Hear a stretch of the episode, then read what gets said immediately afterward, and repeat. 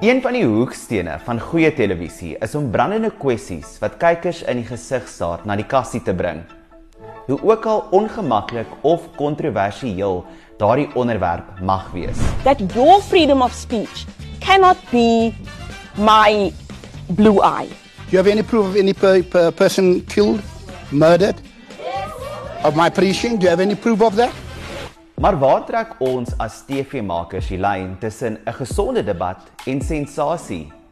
En wat is die beste manier om hierdie gesprekke op 'n verantwoordelike manier aan te pak? Hierdie is maar net 'n paar van die vraagstukke wat ek by die horings pak in hierdie episode van Kassie Kuiers.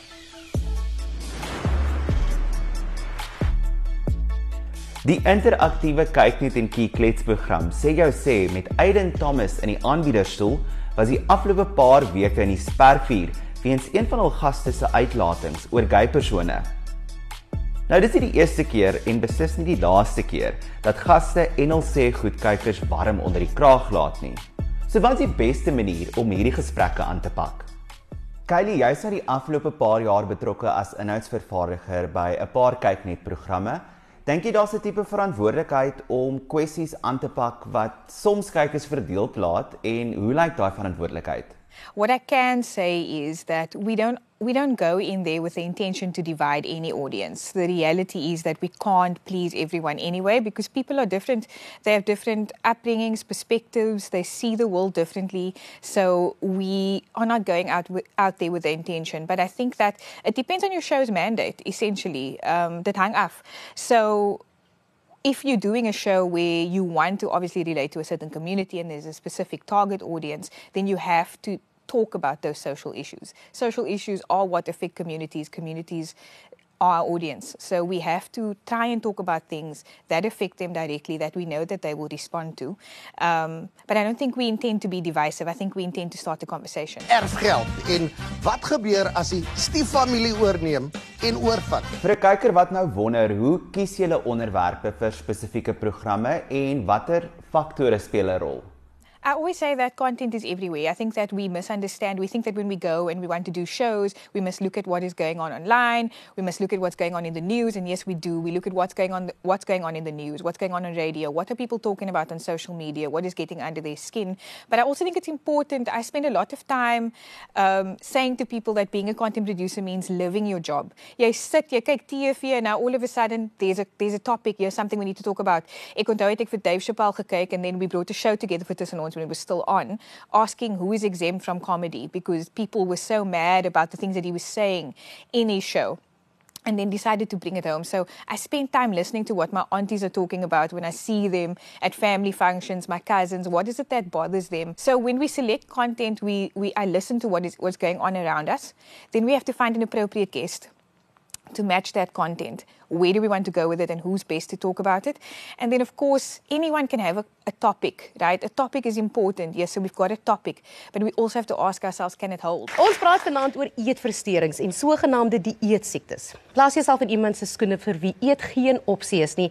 Maak nie saak hoe honger jy is nie, jou kop steek vas. Ek wonder nou, dink jy daar's sekere onderwerpe wat heeltemal taboe is en glad nie op die kassie aangepak moet word. As a content producer and a qualified journalist, I would say there is nothing that we shouldn't talk about. We live in a democracy. We should talk about everything, whether it's in our constitution, whether it's against the law. It doesn't mean that we can't talk about it or have feelings about it. So my answer is essentially no. I don't think that anything should be taboo, but I think that when it comes to sensitive content, when it comes to things that we know could potentially make people hot under the collar, offend them or upset them in whatever way, I think think it's not so much about the topic and it's more about how we deliver that content. How do we deliver it? What's the angle? Where do we want to go with it? You know what I mean? So, yes, we are definitely now not going to show child pornography or bestiality on TV. Obviously, that is drawing a line. But there is an angle and a way to talk about it because these are real things and they are happening. So I don't know. I don't know what would be taboo content. I have to think about that because I think everything is essentially up for discussion. It's how we bring issues to light. It's how we expose things that affect people. Um, it, it was taboo to talk about alcoholism, but the reality is that people who have an alcoholic parent they suffer, and we need to discuss it. We need to start shining a light on these issues that are affecting people. Nou wanneer ons praat oor die TV siklus en landskap, speel media en kritisie 'n baie belangrike rol. Ek het gaan aanklop by Herman Elof, leefstylredakteur by 24.com om hom bietjie te pols oor hierdie vraagstuk. Herman, welkom op Kassie Kuiers. Kom ons praat bietjie oor TV en die verantwoordelikheid wat TV-kanale en TV-programme het. Hoe het dit verander oor die jare en hoe lyk daardie verantwoordelikheid in 2022? Soos met enige ander mediabron het ons uh is is is daar twee twee kante. Uh die een is um uh, entertainment. So uh, ons wil mense vermaak en die ander een is uh education. So ons wil mense inlig. Um en ek dink 'n uh, TV 'n TV kanaal net soos enige ander publikasie um in die land het daardie verantwoordelikhede. Ons ons wil hê mense moet escape, ons wil mense wegvat van hulle realiteit af Uh, maar ons is ook 'n bron waarna mense toe kan kom om inligting te kry, om te weet ehm um, wat wat wat se kwessies is is is heidaglik belangrik en waaroor praat mense. So dit is 'n soort van 'n 'n tweesydige bron vir vir vir albei kante. In jou ervaring as vermaakjoernalis en leefstylredakteur, dink jy ons kry dit reg in die Afrikaanse TV-landskap om kwessies aan te pak wat soms kykers verdeel plaat? En hoe vergelyk ons met TV-kanale en programme in die buiteland? Ek dink dit is baie belangrik dat ons ehm um, brandpunte aanraak en kwessies uh, wat debat voering vorentoe neem, veral ehm um, op ons platforms. Ons het daardie verantwoordelikheid, maar ehm um, dis hoe ons dit doen wat uh, dit maak of breek. Ek dink die eerste uh principle waarby ons almal met uh moet staan is first do no harm ehm um, as ons 'n debat gaan doen oor 'n brand kwessie en ons uh en ons veroorsaak meer sleg as goed dan dan was that really something that we needed to do if it ehm um, wat ons het hierdie power ons het hierdie hierdie uh verhoog waar ons hierdie kwessies op sit en en dan wat doen ons daarmee?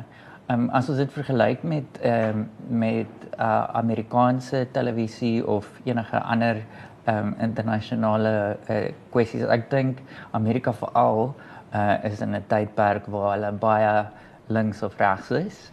Hierdie hierdie tipe uh, radikaal na die een kant toe en na die ander kant toe tipe debatte vind al hoe meer plaas en ek dink 'n neutrale punt is so belangrik.